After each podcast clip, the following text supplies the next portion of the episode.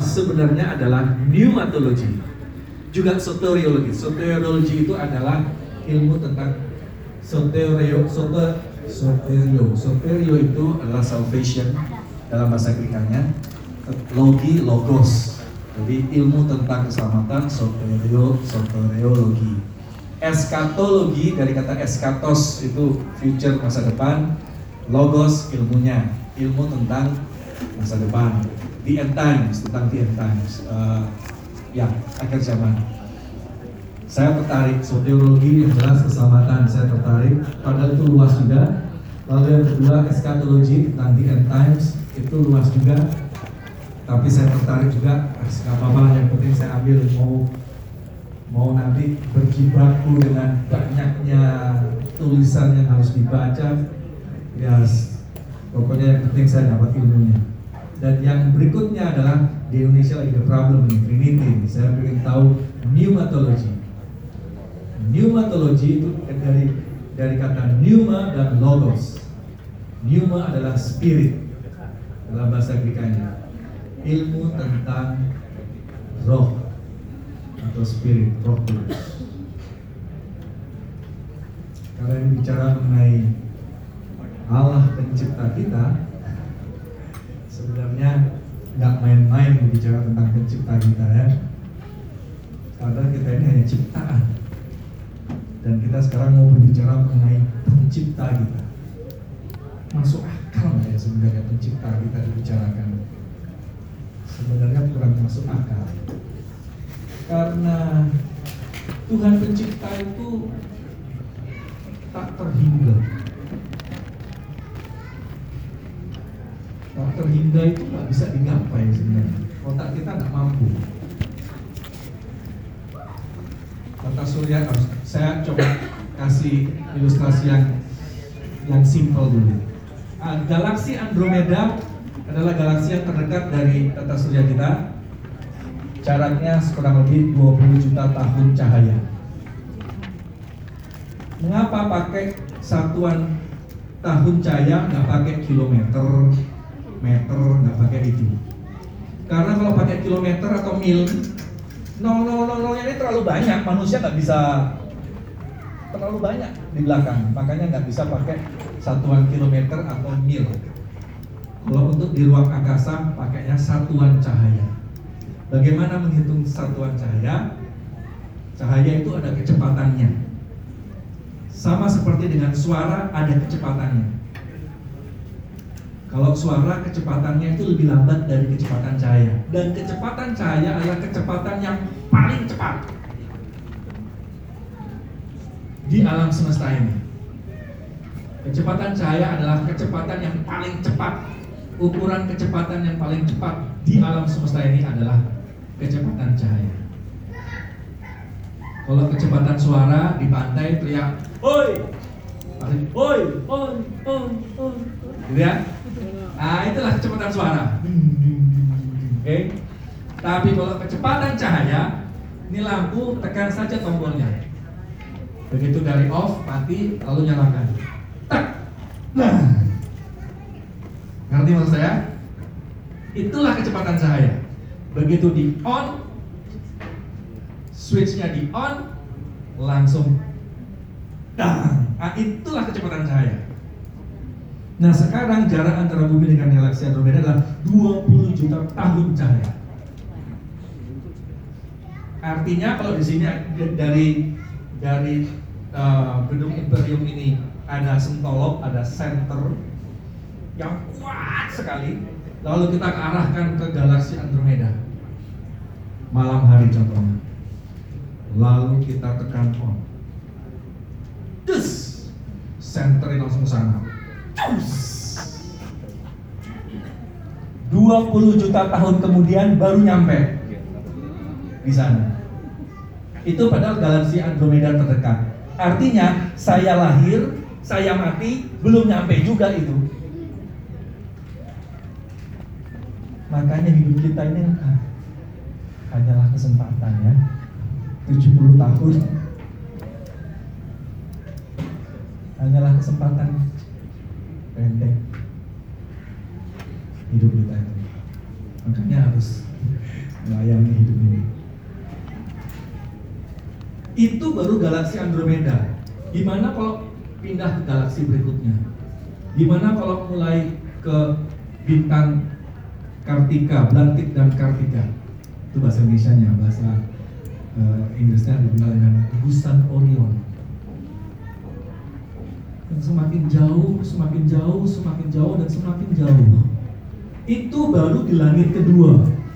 Langit pertama adalah bumi kita dengan atmosfernya.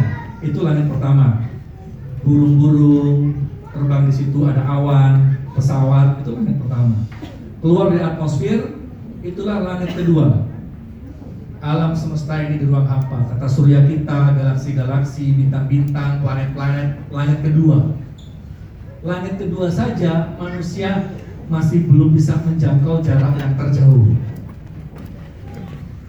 sementara surga langit yang ketiga menurut Alkitab. Kalau mulai membantu lewat urusan bintang Orion kita akan ke sana. Dan itulah tahta Allah di surga. Padahal saintis mengakui alam semesta ini tak terhingga.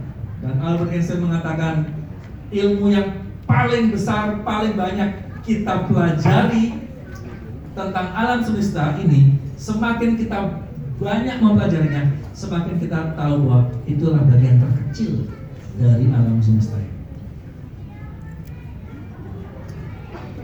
Ya bayangkan saja kalau naik naik, naik, naik pesawat, begitu di bandara mulai naik, eh, mulai tinggi tinggi tinggi sudah mulai kan gedungnya mulai kecil, orang-orangnya mulai kecil, makin tinggi makin tinggi, udah mulai nggak kelihatan tuh orang itu baru di atas pesawat. Bagaimana kalau kita ke bulan nanti? Dilihat foto-foto bisa di search di uh, Google. Bumi dari jarak jauh. Lalu mulai menjauh lagi Tata Surya Bima Sakti, Mevi Bumayu Sapunto. Lalu mulai menjauh lagi.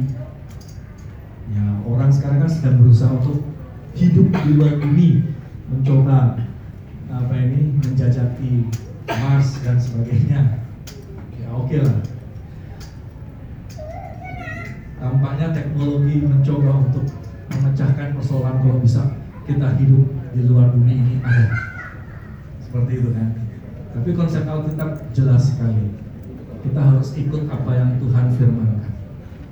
Artinya ketika langit yang kedua ini sifatnya sebenarnya adalah tak terhingga pikiran kita tidak mudah menjangkaunya yang begitu jauh dan begitu sangat luas ini apalagi pencipta kita Allah. Dia berada di langit ketiga. Dia lebih besar dari yang tak terhingga. Mengerti kira-kira? Karena istilah ini saya dapat justru dari kitab Wahyu. Satu kali saya bersama misionaris, pernah satu kali di Bali saya membawai supervising tujuh misionaris di Bali. Seperti biasa setiap sahabat, ya selain sahabat juga, ayo kita ke alam nih, Bible meditation, apa meditasi Alkitab di alam. Cari pantai, lalu buka Alkitab, meditasi Alkitab.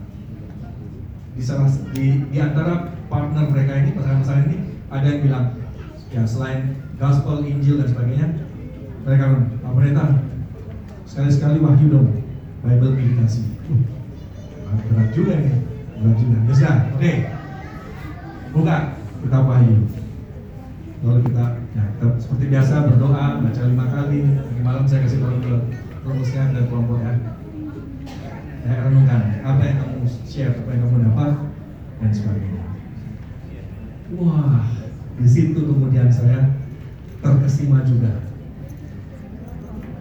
Kitab Wahyu memberikan gambaran kepada pikiran yang serba terbatas ini. Konsep yang semoga bisa diterima secara sederhana. Bahwasannya Tuhan pencipta kita itu lebih besar dari yang tak terhingga. Sedangkan mau mengukur yang tak terhingga saja kita udah pusing. Sementara pencipta kita lebih besar dari yang tak terhingga. Semoga dapat ya konsepnya. Sebenarnya Tuhan kita ini misteri tentunya. Kalau kita sudah tahu semua tentang pencipta kita, tentang Tuhan kita, berhenti dia jadi Allah. Oh, sudah tahu, kamu tahu Allah. Oh Allah tuh gini gini gini, gini. selesai tahu semua. Berhenti dia jadi Allah kalau kita sudah tahu semua. Sudah tahu semua selesai. Manusia sebenarnya sangat terbatas untuk mengetahui Allah, pencipta kita. Manusia itu dibatasi oleh dimensi waktu, dimensi ruang, dimensi jarak, dimensi waktu. Umur berlanjut terus, kayak saya muter lagi di belakang. Habis tahun 2019 lewat mau balik ke 2019 nggak akan bisa. Umur saya sekarang 43 besok tahun depan 44 45 terus mau mundur lagi ke belakang nggak bisa. Terbatas oleh dimensi waktu. Lanjut terus. Dimensi ruang. Kumpulkan saja seribu orang di ruangan ini. Sudah kayak gimana? Dan sebagainya ya kita nggak bisa omnipresent nggak bisa ke mana-kemana karena dibatasi oleh dimensi ruang. Sementara Allah kita adalah Allah yang tidak dibatasi oleh dimensi waktu, makanya kekal. Dari kekal sampai kekal, tidak dibatasi oleh dimensi ruang, makanya dia omnipresence, bisa hadir di mana saja. Pencipta yang tidak terbatas ini mau dimasukkan ke dalam otak kita manusia yang terbatas dimensi waktu dan ruang. Kira-kira mau jadi apa otak kita?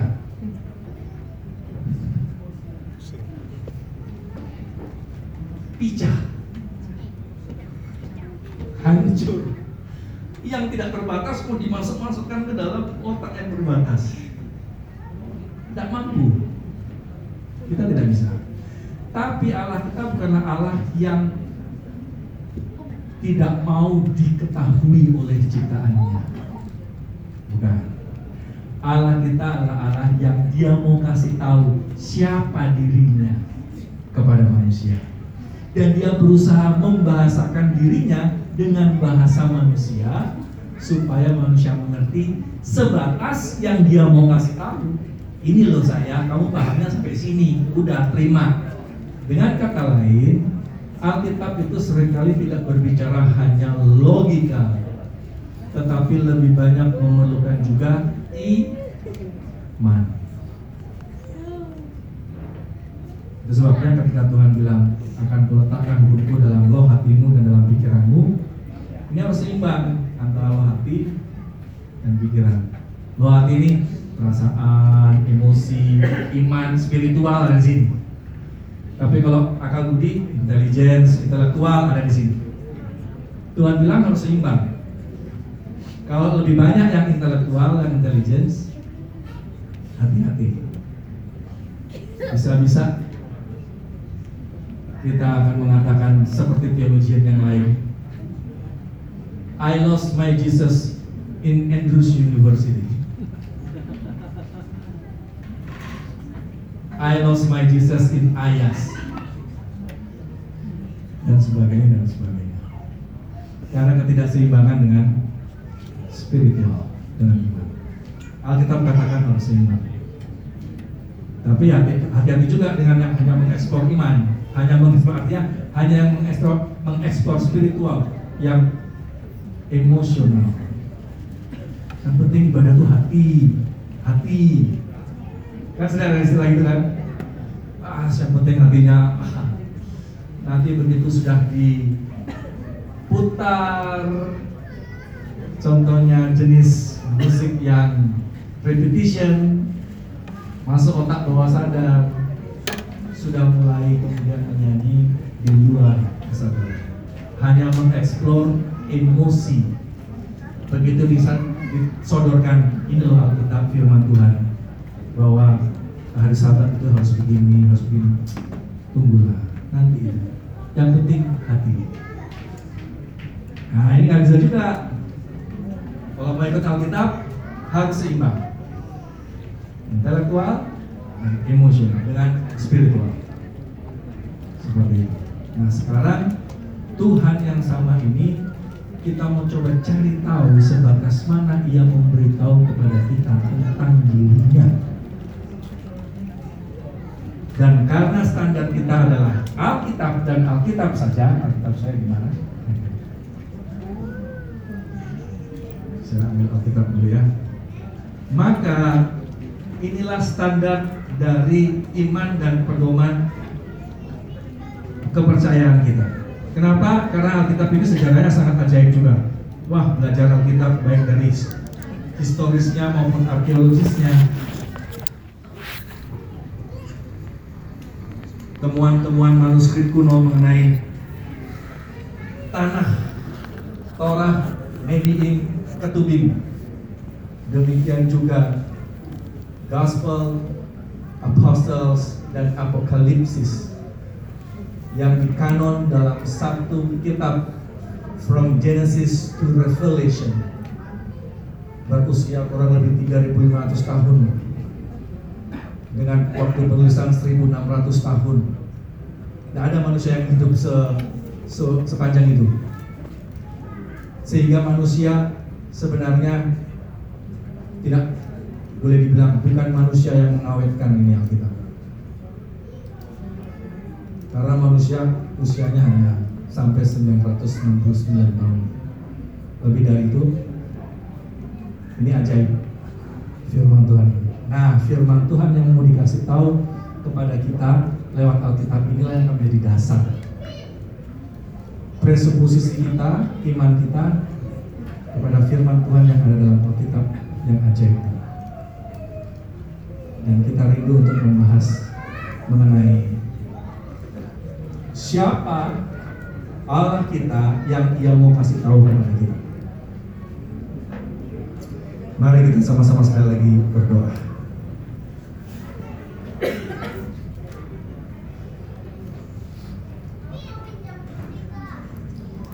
Ya Tuhan kami, ya pencipta kami. Bapa yang penuh kasih di surga. Terpujilah namamu Tuhan karena Engkau lah yang memulai detak jantung kami dalam kandungan ibu dan Engkau masih melanjutkannya sampai hari ini. Ini adalah karena kasih karuniamu. Dan kami percaya ada rencanamu dalam hidup ini. Dan rencana itu pastilah rencana kesejahteraan, rencana keselamatan. Kami menyadari kami manusia terbatas, ciptaanmu. Namun kami rindu mengenal Engkau, ya pencipta kami, melalui firman-Mu dalam Alkitab. Berbicaralah Tuhan, biarlah roh kudus-Mu saja yang akan menerangi pemahaman kami untuk firman Tuhan. Ampunilah segala keakuan kami, kesombongan kami, kemanusiaan kami. Karena kami mau datang kepadamu dengan rendah hati dan jujur untuk mengenal siapa engkau yang adalah Tuhan pencipta kami. Kepadamu kami berdoa di dalam nama Yesus Kristus, Juru Selamat kami. Amin.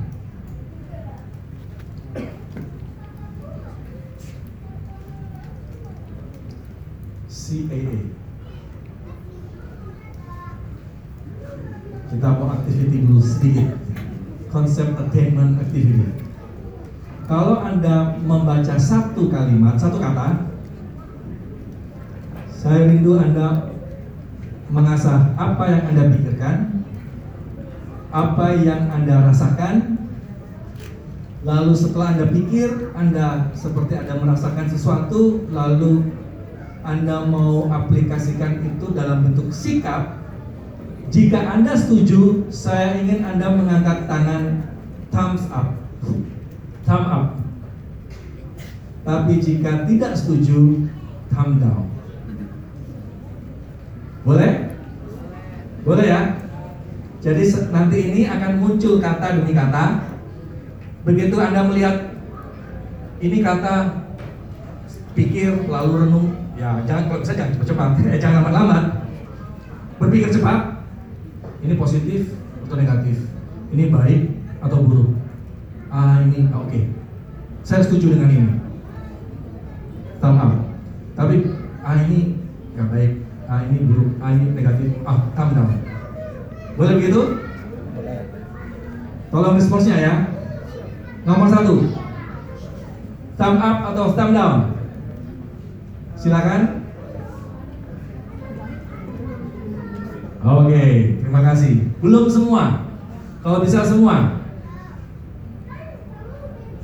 Yes berarti ya. Setuju Anda ya? Oke, berikutnya. Pencoba.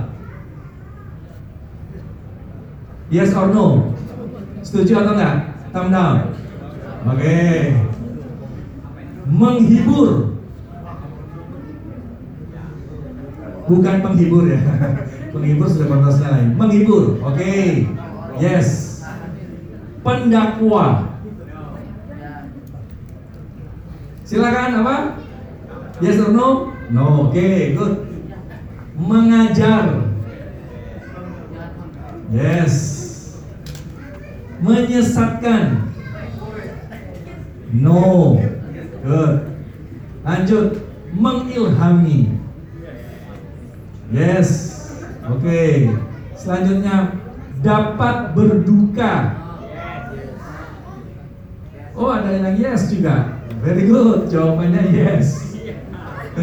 Memberontak. No. Oke. Okay. Lanjut batu sandungan. No. Oke. Lanjut lagi. Kebenaran. Very good. Pendusta. No, oke. Lagi ya. Berkehendak. Ada will di situ, ada kemauan. Positif atau negatif? Yes or no? Angkat tinggi-tinggi. Oke, okay, good. Selanjutnya terkutuk. No, oke, good. Lanjut lagi, tinggal dua. Pencipta. Yes pembunuh. No. Allah. Iblis. Dari sini kita coba lihat secara luas. Itu ada ayatnya semua ya.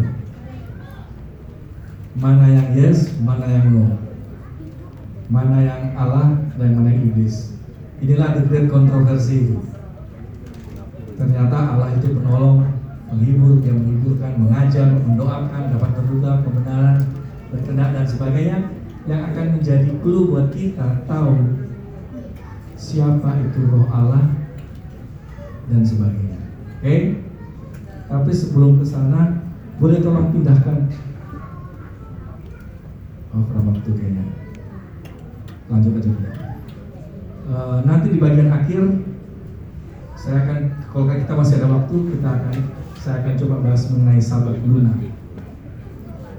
Sekarang yang ini dulu. The triune Godhead in creation account. Waktu pertama kali saya kuliah di UNCLAD, pertama kali belajar Greka, saya diminta menghafalkan Yohanes 1 ayat 1 dalam bahasa Greka NRK and hologos kai hologos and prostonteon kai theos and hologos. Setelah saya pelajari, ternyata yang tidak kalah penting adalah di dua ayat berikutnya, bukan hanya satu ayat saja. Ayat yang kedua, autos dan NRK prostonteon, itu ayat kedua. Lalu ayat ketiganya adalah panta di auto egeneto kai hores auto egeneto audehen ho gegonen ternyata tiga ayat ini memiliki paralel yang kuat dengan Genesis 1 1 to 3 Kejadian 1 ayat 1 sampai 3 tentang nah, kalau bahasa perjanjian baru itu bahasa Greka. Jangan lupa ya. Tapi kalau pindah ke perjanjian lama belajar bahasa Ibrani dan bahasa Aramaik Beresit 1 kejadian 1 ayat 1 sampai 3 ternyata itu sangat penting juga. Menjadi dasar dari keimanan ciptaan manusia kepada Tuhan pencipta. Bereshit bara Elohim et hasamayim wa et haaretz. Wa haaretz hayatah tohu wa buhu wa khosek al penitehon. Wa ruah Elohim merahat al bani hamayim wa yomer Elohim Yehio. Wa Yehio Begitu Anda uraikan ini bahasa aslinya dengan semua tuntutan interpretasinya tentunya secara eksegesis, eksegetikal mencakup syntactical interpretation-nya, morphological interpretation-nya dan semuanya Anda akan benar-benar confirm Tuhan pencipta kita ini.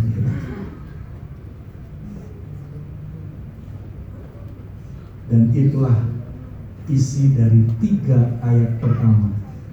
In the beginning, God created the heavens and the earth.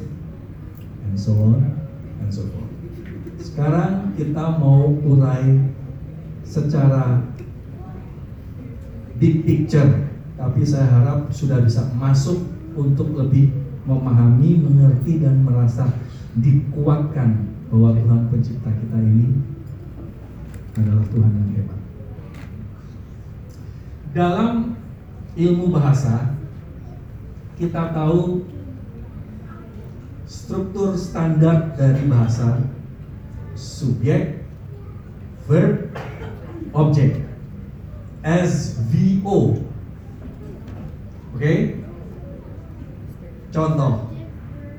Irwan memakan Tuhan. Irwan subjek memakan verb kata kerja tinutuan objek. ini standar satu kalimat lengkap. Ngerti ya? Kemudian ada juga ditambahkan adverb of manner adverb of time adverb of place. Apa? Keterangan waktu keterangan tempat. Itu hanya untuk menekankan yang mana yang mau di yang yang mana yang mau dikemukakan atau ditekankan oleh penulis. Contoh, Irwan memakan tinutuan di Oh oke, okay. waktu dulu. Jam 12 siang di jemaat Tumoto Imperium. Contoh ya.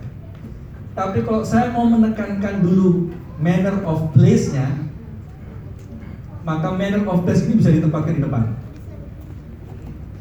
Di gereja Tumoto Imperium, ya, koma, baru Irwan memakan hidutuan jam 12 siang.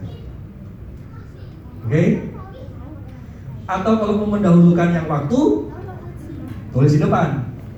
Jam 12 siang, jam 12 siang, Irwan memakan kebutuhan di gereja Kumoto. Tapi kalau umpamanya Irwan memakan tinutuan diputar-putar, bisa nggak? Tinutuan memakan Irwan. Bisa? Nggak bisa ya? Oke. Kita pakai bahasa Latin. Kita dasarnya alfabetikalnya ABCDE dari Latin, jujur saja. Tapi berbeda dengan alfabetikal dari Hebrew, dari bahasa Ibrani. Anda kalau mau belajar bahasa Mandarin atau bahasa yang pakai Ah, itu itu yang di luar di luar alfabet Latin. itu sering kali bikin pusing. Sekarang yang Ibrani saja saya mau kasih tahu. Ibrani Alkitab, bahasa Ibrani yang digunakan Alkitab adalah bahasa Ibrani kuno. Itu sebenarnya susunannya bukan SVO, tetapi VCSO. Verb, subject, object. Kenapa? Ini saya jelaskan. Eh, VSO menjadi standar struktur yang dapat standar structure yang dapat menunjukkan sifat komunitas pada zaman Alkitab mengedepankan atau menekankan kata kerja. Verb adalah kunci utama untuk membaca satu kalimat dan menemukan kontekstual meaningnya sehingga verb selalu diletakkan pada urutan pertama. Dengan kata lain, verb kata kerja menjadi hal yang penting dalam membaca tulisan Ibrani untuk mengerti artinya secara kontekstual. Jadi kalau belajar bahasa Ibrani, maka kita akan selalu yang harus ada di pikiran adalah cari dulu verbnya yang mana. Itu dia. Dan inilah cara penulisan orang Yahudi. Kerja dulu. Yang di awal kata kerja dulu. Itu penting. Begitu kata kerja dulu, verbnya apa? Berikutnya langsung kita melakukan apa yang disebut dengan synthetical interpretation. Interpretasi secara sintetis yang mana yang cocok. Jadi, kalau saya mau mengatakan kepada Anda bahwa saya makan di Tuhan di gereja Komodo, maka yang pertama keluar pasti dalam tulisan bahasa Ibrani adalah memakan Irwan di Tuhan. Atau memakan di Tuhan Irwan. Lalu Anda sebagai pembaca dituntut untuk menginterpretasikan secara sintaktikal yang mana ini yang memakan dan yang mana yang dimakan. Paham maksud saya? Semoga sederhana ini ya. Kalau mau dalam lagi memang bikin pusing. Belajar bahasa Ibrani juga bikin pusing. Tapi semoga dapat dipahami dengan sederhana. Boleh ya? Itu sebabnya tulisan-tulisan Ibrani tidak semudah diinterpretasikan secara literal yang akhirnya banyak pembaca pembaca Alkitab salah misinterpretasi karena membacanya selalu dengan konsep Latin alfabetikalnya yang bahasanya dia.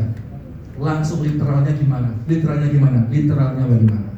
Apalagi kalau sudah masuk genre poetik poetikal apokaliptik lagi? Wah ini semua proverbs ini semua harus menuntut interpretasi dalam membacanya. Kulihat pelangi di matamu. Contohnya, gimana terjemahan interpretasinya? Oh benar nih, kamu di matanya ada pelangi soalnya. Itu secara literal nggak bisa begitu. Itulah tulisan Alkitab, tulisan Ibrani. Rata-rata penulis penulis Ibrani menulisnya memiliki sense of poetic puisi artnya tinggi seninya tinggi lanjut. Ada yang tidak kompatibel. Tadi saya pindahkan ke sana. Aduh sorry. Boleh supaya pasang ini? Karena hurufnya tidak kompatibel. Itu yang saya selalu khawatirkan. Saya apa antisipasi. Karena saya perlu walaupun tidak kita tidak belajar bahasa Ibrani, tapi yang saya mau Anda lihat saja gambarnya. Gak usah lihat apa alfabetiknya. Alef, Bet, email, gak usah. Lihat saja gambarnya, itu akan membantu kita. Oh, begini.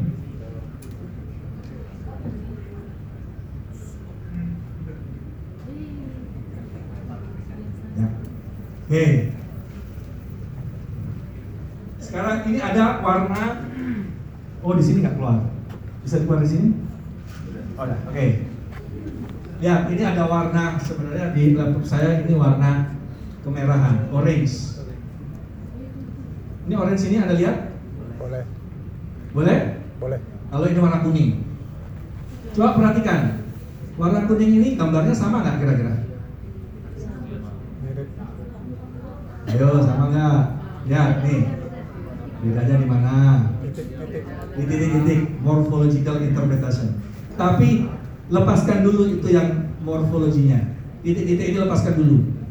Kalau Anda ke Israel sekarang, ini karena sekolah saja maka dibantu oleh morfologinya.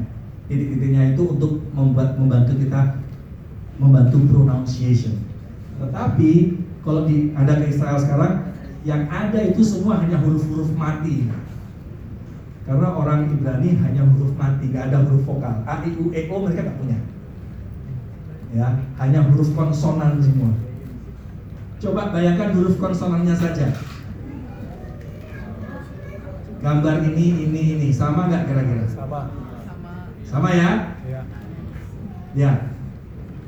Ini adalah Elohim. Kejadian 1 ayat 4, 5, 6 dan 7. Elohim ini subjeknya Allah. Dari kata dasar Elo. Allah. Beda lagi kalau tetragrammaton Yahweh, JHWH itu menunjuk kepada Allahnya Israel. Itu namanya. Tapi kalau ini adalah Allah yang disembah, yang disembah, oknum yang disembah. Setiap ada akhiran in itu artinya plural. Kan ada genrenya maskulin atau uh, feminin, ada numbersnya plural atau dan sebagainya. Oke? Okay? Bahasa Ibrani begitu ada im dia plural. Itu rumusnya.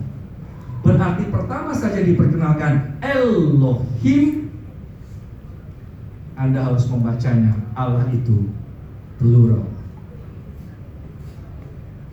Allahnya Alkitab. Dia satu Tuhan tunggal, tapi dia plural, jamak. Oke, yang ini Waas, Wayikra, Wayuk Waas ini dari wa, Waar, sorry. Ini dari Ra'a, to see, melihat. Maka Allah melihat Coba cek ayat 4 Kalau nggak salah ini bunyinya maka Allah melihat Segala sesuatunya itu backgroundnya Wayikra dari Kara call uh, Menyebut Allah menyebutnya Menamainya Allah menamainya. Wayomer Allah berbicara Berfirman To speak Dari Amar. Ini Waas Dari Asa. Ini Wayikra Ini semua yang duluan muncul adalah subjek atau verb? Verb. Coba lihat. Di sini waar melihat Allah. Di sini menamai Allah. Padahal begitu diterjemahkan harus Allah melihatnya, Allah menamainya, Allah berfirman, Allah dan seterusnya. Sehingga dalam bahasa Ibrani verb itu selalu ditaruh di depan dan mulai memulai satu kalimat. Oke? Okay? Begitu pentingnya verb dalam bahasa Ibrani. Sekarang ini Beresit bara Elohim. Beresit ini adalah adverb of time. Manner of time. Uh, adverb of time. In the beginning. Dia bisa diletakkan di depan karena untuk menekankan keterangan waktu. Pada mulanya nggak tahu kapan. Pada awalnya tidak ada starting pointnya, bara to create Elohim. Allah God created. Allah menciptakan. Dalam Alkitab Gak semua Alkitab, semua buku Kalau ada yang menulis buku Pasti yang pertama mau dia perkenalkan sebenarnya adalah Siapa penulisnya. Betul nggak? Jangankan nulis buku. Kalau mau khotbah di depan Pasti sebelum khotbah diperkenalkan dulu siapa pembicaranya Betul kan? Buku, demikian juga buku. Di Alkitab dari Paulus kepada jemaat Korintus, dari Yakobus kepada dari Petrus kepada mereka walaupun diilhami oleh Roh Kudus, tapi mereka juga diminta untuk menulis siapa penulisnya. Yang unik adalah dalam kejadian satu sama wahyu satu. Ini sangat unik. Uniknya kenapa?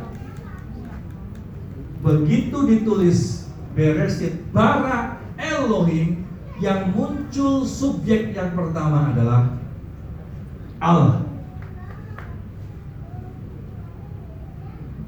Berarti yang ingin diperkenalkan pertama adalah Allah.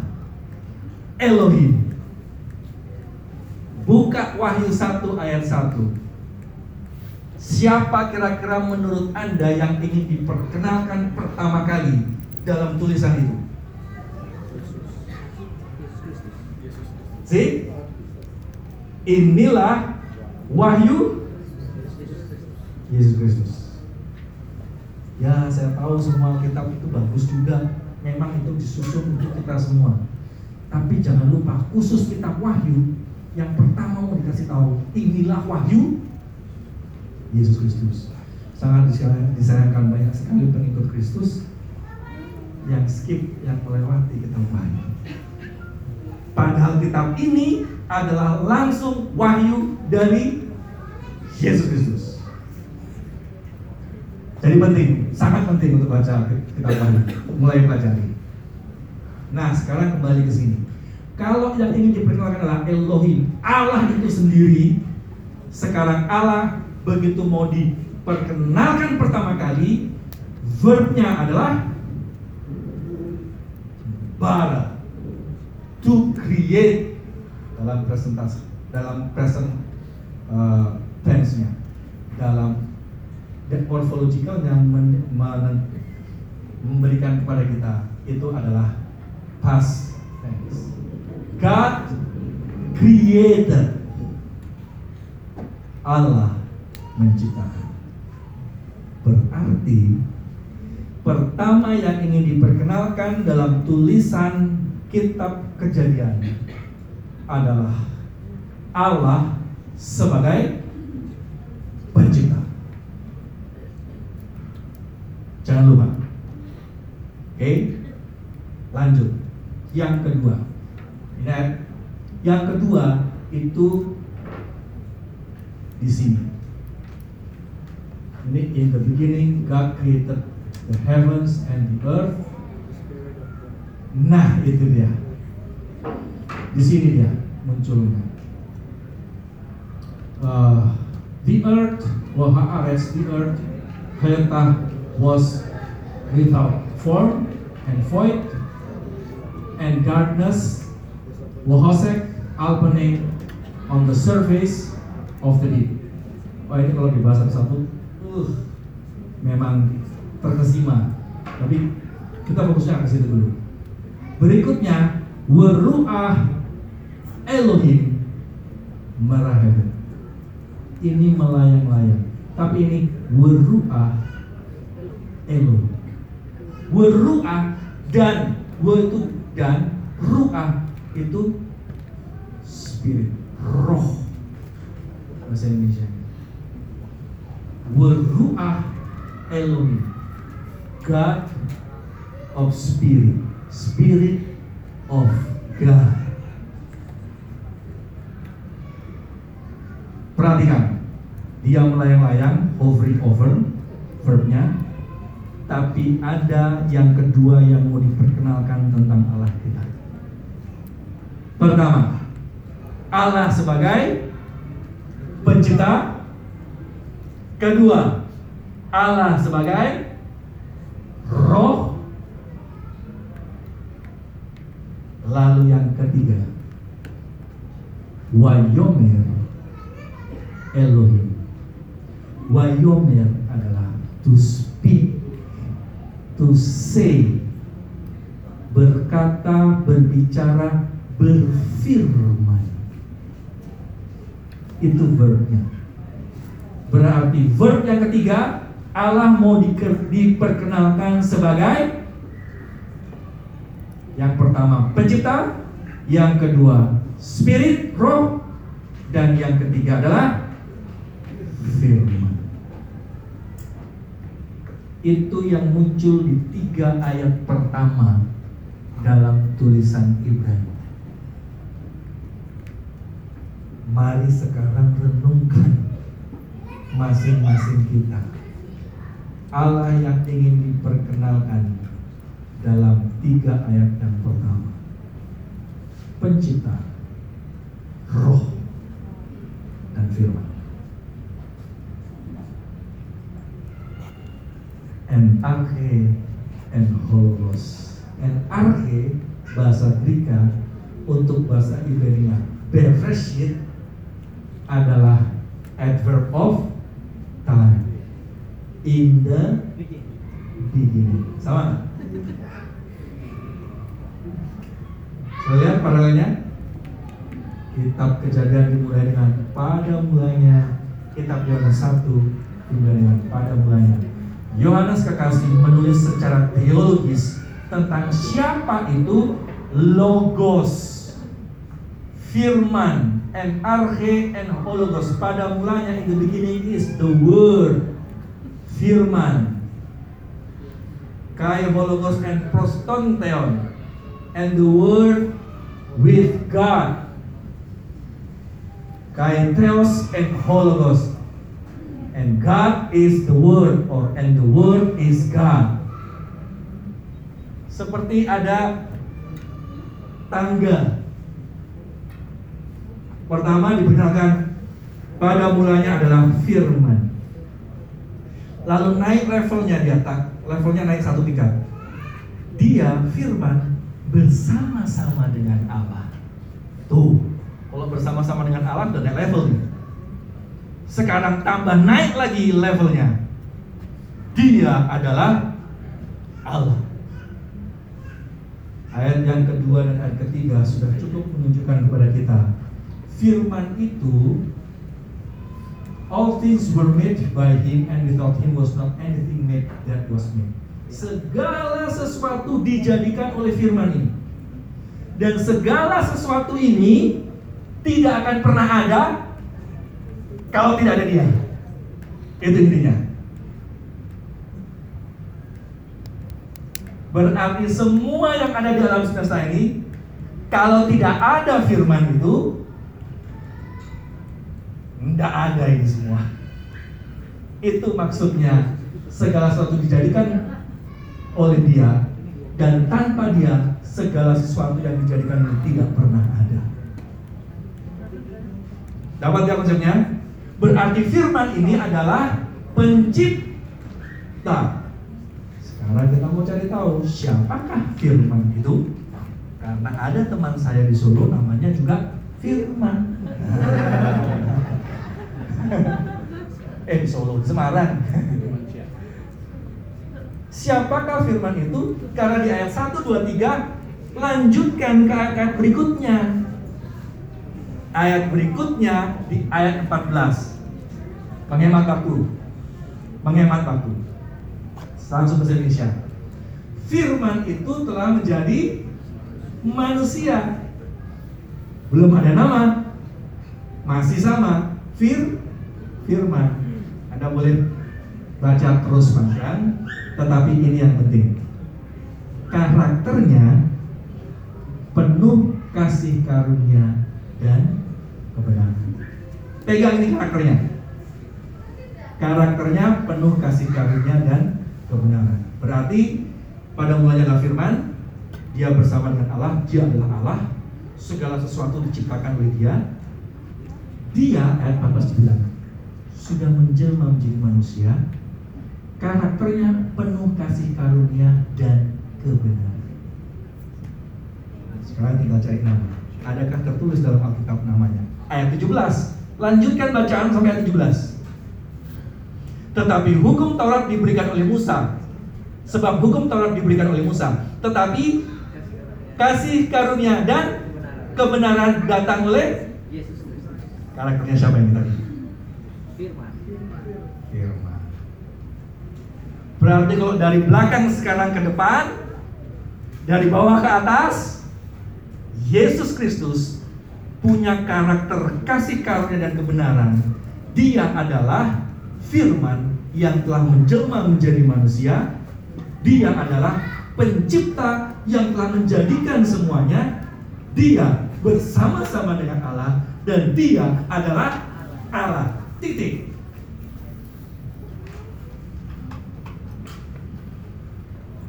Mengerti kealahan Yesus Kristus? Ini biblical, Alkitab. Kalau ada mau buka buku-buku yang lain, komentar-komentar para teolog-teolog ya silahkan. Tapi yang saya buka ini hanya Alkitab. Bukan tulisan-tulisan teolog. Boleh dapat? Lanjut lagi ya. Jadi Yesuslah Allah. Nanti Anda akan, kalau ada pernah dengar, saya nggak tahu, ada yang dengar nanti masalah eh, Yesus itu disebutkan dalam perjanjian baru dalam tulisan Rasul Paulus, dalam kisah Rasul, dia itu adalah diperanakan oleh Allah. Dalam kitab Yunani, I have begotten you. Saya sudah memperanakan engkau agak panjang nanti tapi itu harus kembali lagi meneliti dari mana muncul kata begotten dalam Alkitab. Kalau ada yang sudah pernah mendengar hal yang diperlibatkan ini? Belum? Ada juga. Tidak banyak ya? Ya nggak usah lah. Saya nggak akan membahasnya sekarang. Berikutnya, sama waktu kuliah di sana, begitu dengar mereka mempermasalahkan masalah diperanakan, seolah-olah dari Bapa keluar itu Yesus Kristus. Dia diperanakan dari Yesus Kristus. Jadi dia bukan Allah itu sendiri, tapi ia keluar dari Allah Bapa. Itu argumennya. Dari biblical theology, saya bisa buktikan itu adalah pendapat interpretasi yang sah Saya akan bahas sekarang karena saya ingin bahas uh, pneumatologi. Pneumatologi adalah dari bahasa Greka pneuma dan logos tentang spirit. Dalam kekristenan pneumatologi ini membahas tiga topik secara general. Pertama, the divinity of the Holy Spirit, keilahian Roh Kudus. Yang kedua, personal character, karakter pribadi dan yang ketiga, the work of the Holy Spirit. Apa itu yang dikerjakan oleh Roh Kudus? Ketika ada yang mengatakan bahwa Roh Kudus itu bukan Allah, jangan lupa the great controversy itu between Christ and Satan. Oke? Okay? Satan tidak suka kalau manusia mengakui Kristus itu adalah Allah. dan dia berusaha lewat pintu ilmu pengetahuan sana sini untuk bisa membangun argumen bahwa Yesus itu bukan Allah. Salah satunya pintunya lewat Roh Kudus.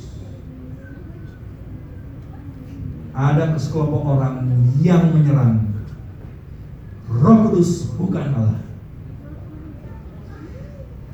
Ujung-ujungnya Injil mengatakan dan Yesus dikandung oleh Roh Kudus. Betul?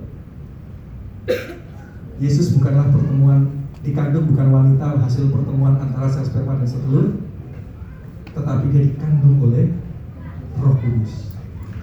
Ketika orang ini mengatakan Roh Kudus bukan Allah dan Yesus dikandung oleh Roh Kudus, otomatis akan menggugurkan kealahan Yesus. Yesus juga bukan Allah. Paham ya? Sekarang saya mau kasih tahu mengenai bukan kealahan, tapi pers hari ini kita akan secara cepat belajar mengenai personality dari uh, Holy Spirit. Apakah Holy Spirit adalah a divine person? Oknum ya. Apakah oknum pribadi dari kealahan itu? Uh, Oke okay, ini kalau belajar dalam nah begitu belajar mengenai Holy Spirit khususnya di New Testament sekarang maka kita harus belajar semua kata pneuma yang muncul dari Matius sampai Wahyu dari gadget Anda sudah mudah sekali sekarang. Mau tahu ya harus tekun klik aja search aja spirit dalam bahasa Inggris. Uh, laptop saya memiliki software yang langsung ke bahasa uh, karena itu diperlukan oleh biblical scholars harus ke bahasa asing. Karena spirit kat, di, di di bahasa asli ditulis spirit tapi di terjemahan bisa ditulis he or sudah langsung diganti dia dan sebagainya itu enggak jadi kurang tajam walaupun kontekstualnya maksudnya sama itu tentang Roh Nah sekarang mulai dari nggak apa-apa, mulai dari bahasa yang sederhana dulu. Saya belajar Alkitab dari bahasa Indonesia dulu kok, nggak masalah. Roh Kudus akan tuntun, lalu update lagi ke bahasa Inggris. Bahasa Inggris banyak versionsnya, tapi di kalangan sekolah ada tiga yang besar. King James Version, King James Version, uh, lalu New American Version, lalu English Standard Version. Ini tiga yang besar. Kemudian di situ di kita bisa klik kata spirit. Mulai dari Synoptic Gospel, ini Matthew, Matius, Markus, Lukas, tulisan-tulisan Yohanes, Yohanes 1, 2, 3 Yohanes dan Wahyu, lalu tulisan-tulisan Paulus, dari Roma sampai Filemon dan tulisan kitab Ibrani dan Epistles dan rasul-rasul yang lainnya. Ibrani, kisah rasul, uh, Yakobus dan Petrus. Dari bahasa Inggrisnya saja dulu. Klik spirit muncul semua. Tekunlah baca satu-satu. Spirit yang muncul di Matius ini apa, spirit yang ini muncul di apa dan sebagainya. Dan itu yang dituntut kepada saya kalau mau diujikan harus bisa memahami semuanya, membaca semuanya, memahami semuanya.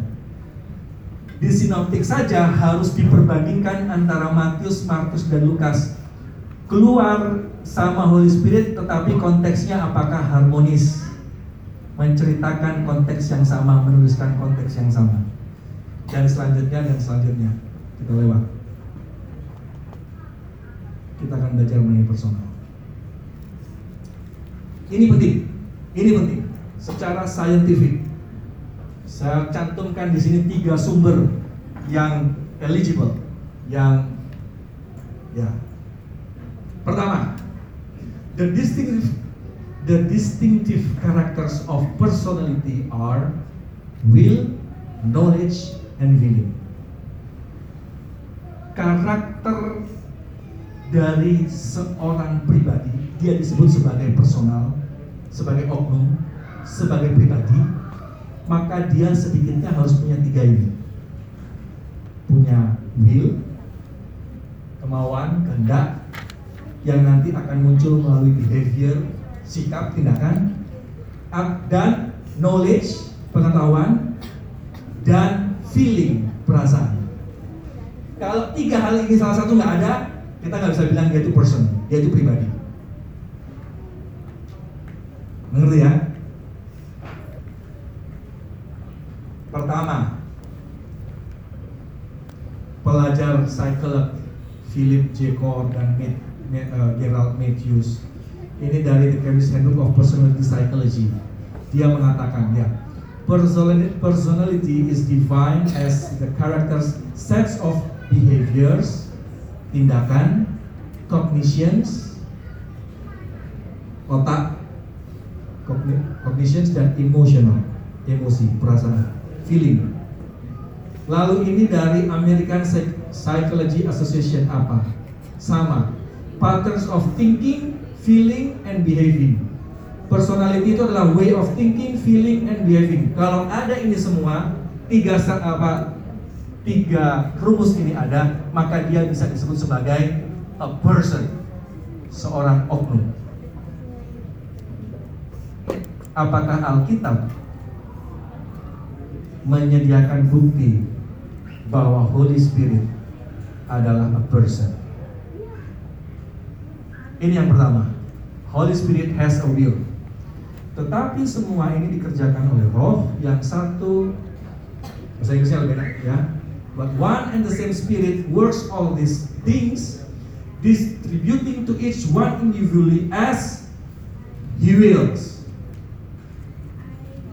Di sini dikenalkan Roh Kudus itu ada kehendak, ada will, ada kemauan, dan kemudian bisa menghasilkan sikap. Sikapnya ditulis lagi di sini. Kisah Simeon, Simeon datang ke tempel oleh karena Roh Kudus yang bawa. He commands, dia memerintah. He performs miracles, dia membuat mujizat. He calls, dia memanggil. He sends people, dia mengirim, mengutus seseorang. Dia melarang, dia mengizinkan. He forbids, he permits. Ini semua action dari will itu sendiri, dari Roh Kudus. Syarat pertama sudah terpenuhi. Syarat kedua, oh ini oleh saya mau jelaskan yang lain lagi. Dalam bahasa Greka untuk catatan mengenai Yesus mengatakan Aku akan minta kepada Bapa dan ia akan memberikan kepadamu seorang penolong yang lain. Penolong yang lain dalam bahasa Grekanya adalah alon parakleton. Parakleton ini, alon parakleton ini root wordnya alos sama parakletos. Parakletos adalah penolong penghibur Roh Kudus yang lain, penolong yang lain. Ternyata dalam bahasa Greka, the Greek word translated another alon means another of the same kind. Sam, dari oknum yang sama tetapi dia lain oknum. Oknum yang sama dari yang satunya. Dengan kata lain, kalau kita percaya bahwa Yesus itu Allah, maka dia adalah juga Allah. Itu alos. Sama tetapi yang lainnya. Dan ini menunjukkan dia adalah person dari kealahan itu sendiri. Kalau Yesus adalah second person of the Godhead, pribadi yang kedua dari kealahan, maka ini menunjukkan penolong yang lain adalah Roh Kudus itu the third person of the Godhead oknum yang ketiga dari kalangan. Syarat yang kedua, apakah Roh Kudus punya knowledge? Ini ayat ini ya, ayat tema kita. Siapa gerangan di antara manusia yang tahu apa yang terdapat di dalam diri manusia selain roh manusia sendiri yang ada di dalam dia? Demikian pula lah tidak ada orang yang tahu apa yang terdapat di dalam diri Allah selain roh Allah. Roh Allah tahu. Roh manusia tahu siapa dirinya manusia. Roh Allah tahu siapa dirinya manusia. Berarti dia memiliki pengetahuan. Dia punya knowledge. Dan Anda bisa baca catat dalam kitab kisah Rasul. Roh Kudus menginspirasikan penulisan Alkitab. Roh Kudus memberikan kesaksian tentang Yesus. Roh Kudus berbicara kepada Petrus apa yang harus dilakukan uh, kepada Cornelius. Petrus mengulang lagi kepada Cornelius apa yang Roh Kudus katakan sama dia. Roh Kudus bicara. Roh apa ini Konsili Yerusalem keputusannya dikonfirmasi oleh Roh Kudus. Ini semua tulisan-tulisan catatan-catatan ini menunjukkan bahwa Roh Kudus punya knowledge. Ini semua Alkitab. Ayat-ayat Alkitab. Syarat yang kedua. Syarat yang ketiga, apakah Roh Kudus juga punya feeling? Ini ayatnya. Tetapi mereka memberontak dan mendukakan Roh Kudus. Ternyata Roh Kudus dapat didukakan dan hanya seorang personal saja yang dapat merasakan duka cita. Roh Kudus punya feeling. Efesus 4 ayat 3. Dan janganlah kamu mendukakan Roh Kudus. Sehingga syarat rumus dari person tentang Roh Kudus menunjukkan mengasalkan dalam Alkitab dipelajari semuanya menunjukkan bahwa Roh Kudus adalah seorang oknum setiap pekerjaan dari Roh Kudus menunjukkan actions of personality. Ini semua. Kitab Matius diawali dengan ketika Yesus dibaptis, Roh Allah datang menyerupai merpati. Ini ada oknum sendiri. Ketika Pentakosta Roh Kudus datang dengan lidah menyerupai lidah api. Inilah early rains. Hujan awal. Dan di akhir zaman nanti umat Tuhan yang diselamatkan adalah yang menerima letter rains. Hujan Rono buat menuliskan seseorang tidak akan bisa menerima letterings hujan akhir jika ia belum lebih dahulu menerima hujan. Dan itu yang selalu kita doakan sekarang setiap hari. Mengundang kehadiran Roh Kudus dirasakan dalam hidup ini setiap hari dan biarkan kita menerima roh hujan awal itu untuk menyanggupkan kita menerima roh hujan akhir sehingga kita siap untuk menyambut kedatangan Yesus yang kedua kali. Jika tidak, maka kita belum siap sebenarnya menerima kedatangan Yesus yang kedua kali. Itu yang kita perlu undang setiap hari merasakan kehadiran Roh Kudus bagi kita. Uh, ini secara cepat saja, kalau lima menit. Debate issue. Roh Kudus bukan Allah, munculnya debatnya bukan zaman modern. Tahun sekarang barusan. Nah, munculnya sejak zaman bapak-bapak, church fathers. Tahu sejarahnya? Oke, saya ulas sedikit ya, sedikit aja. Yesus naik ke surga, tersisa 12 murid Yesus. 12 murid Yesus menginjil, terbentuk jemaat-jemaat, termasuk Paulus. Jemaat Kristen semakin banyak merajalela, maksudnya membesar.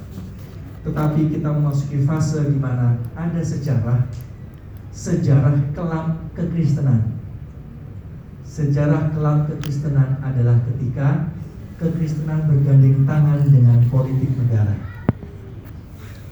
Kerajaan Roma mau bunuh orang Kristen nggak habis-habis, dibunuh satu, tumbuh seribu. Akhirnya Konstantin merubah politik luar negerinya. Takut orang Kristen memberontak, padahal orang Kristen tidak berpolitik. Tapi karena takut orang Kristen memberontak, padahal semakin banyak, Konstantin jadi Kristen. Lalu di situlah mulai masuk gabungan politik dan agama. Sejarah kekristenan kita ini sejarah kita bersama mengalami masa kelam di sini ketika gereja bersatu dengan negara. Di zaman inilah muncul istilah yang disebut dengan Church Fathers. Zaman bapak-bapak, para pelajar-pelajar Alkitab, itu kaum clergy, anggota kaum layman. Inilah yang jika memiliki pandangan, interpretasi, dan pengajaran yang kuat, mereka disebut sebagai bapak-bapak gereja. Bahkan ada yang sampai mengangkatnya jadi kalau sudah mati jadi santo. Oke, di zaman ini sudah mulai ada perdebatan. Roh Kudus itu sebenarnya Allah atau bukan? Banyak yang mempercayai mereka Holy Spirit proceeded from the Father. Roh Kudus itu keluar dari Bapa.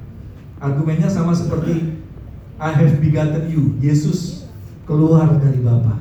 Ini muncul sejak zaman Bapak, sejak zaman Church Fathers.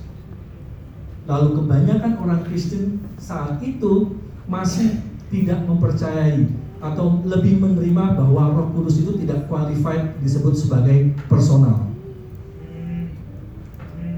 Holy Spirit itu hanyalah was only a power or influence and not a person itu hanya selalu kuasa, pengaruh yang keluar dari Allah dan sebagainya. Bagaimana dengan Scholars Advent? Ini terus ada sampai sekitar tahun 1860-an, 1840-an, 1850, 1860-an. Bahkan Scholar Advent pun yang kalau ada kenal namanya Uriah Smith, Jehovah Bonner, mereka tidak percaya Roh Kudus itu persen. Mereka masih percaya Roh Kudus itu adalah divine afflatus. Divine afflatus emanating from the Father. Sesat kuasa ilahi yang keluar dari Allah Bapa.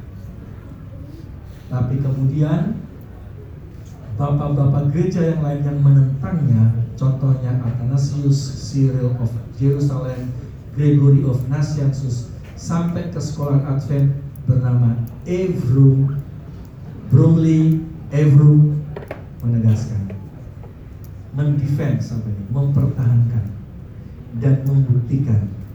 Dan kemudian 19th century masuk kepada abad yang ke-19 setelah 1800-an masuk ke abad 1900-an most of Christian semua kekristenan percaya terbukti bahwa Roh Kudus itu is a person.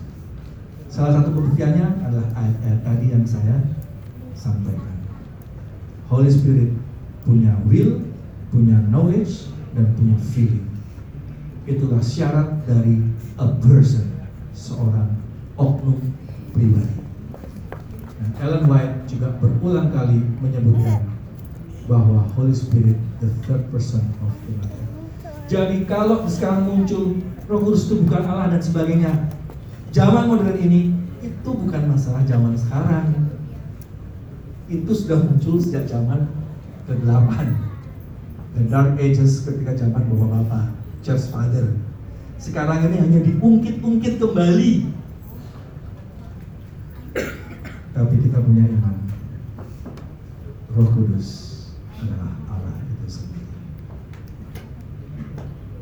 Satu Tuhan, namun ada tiga oknum. Gimana mikirnya ya Pak Pendeta? Lalu pertanyaannya, nanti di surga lihat berapa Allah? pertanyaan-pertanyaan yang tajam. Kita hanya bisa terima secara iman dari Alkitab. Satu tambah satu tambah satu sama dengan satu. Titik. Mau masuk logika? Jebol otak pikirkannya. Satu tambah satu tambah satu seharusnya tiga, itu logis. Tapi satu tambah satu tambah satu sama dengan satu. Sudahlah dengan iman aja. Nggak nyampe otak yang terbatas ini untuk memahami dia. Tapi pencipta kita ingin memberitahunya kepada kita. Ini yang kamu harus imani. Banyak pertanyaan-pertanyaan yang lain bisa muncul karena itu. Tapi dengan iman saya mengimani apa yang Alkitab katakan. Trinity, Triune of Godhead, satu Tuhan, tiga. Tuhan memberkati, biarlah ini boleh menjadi berkat buat kita semua. Amin. Maaf, Kak tanya aja boleh.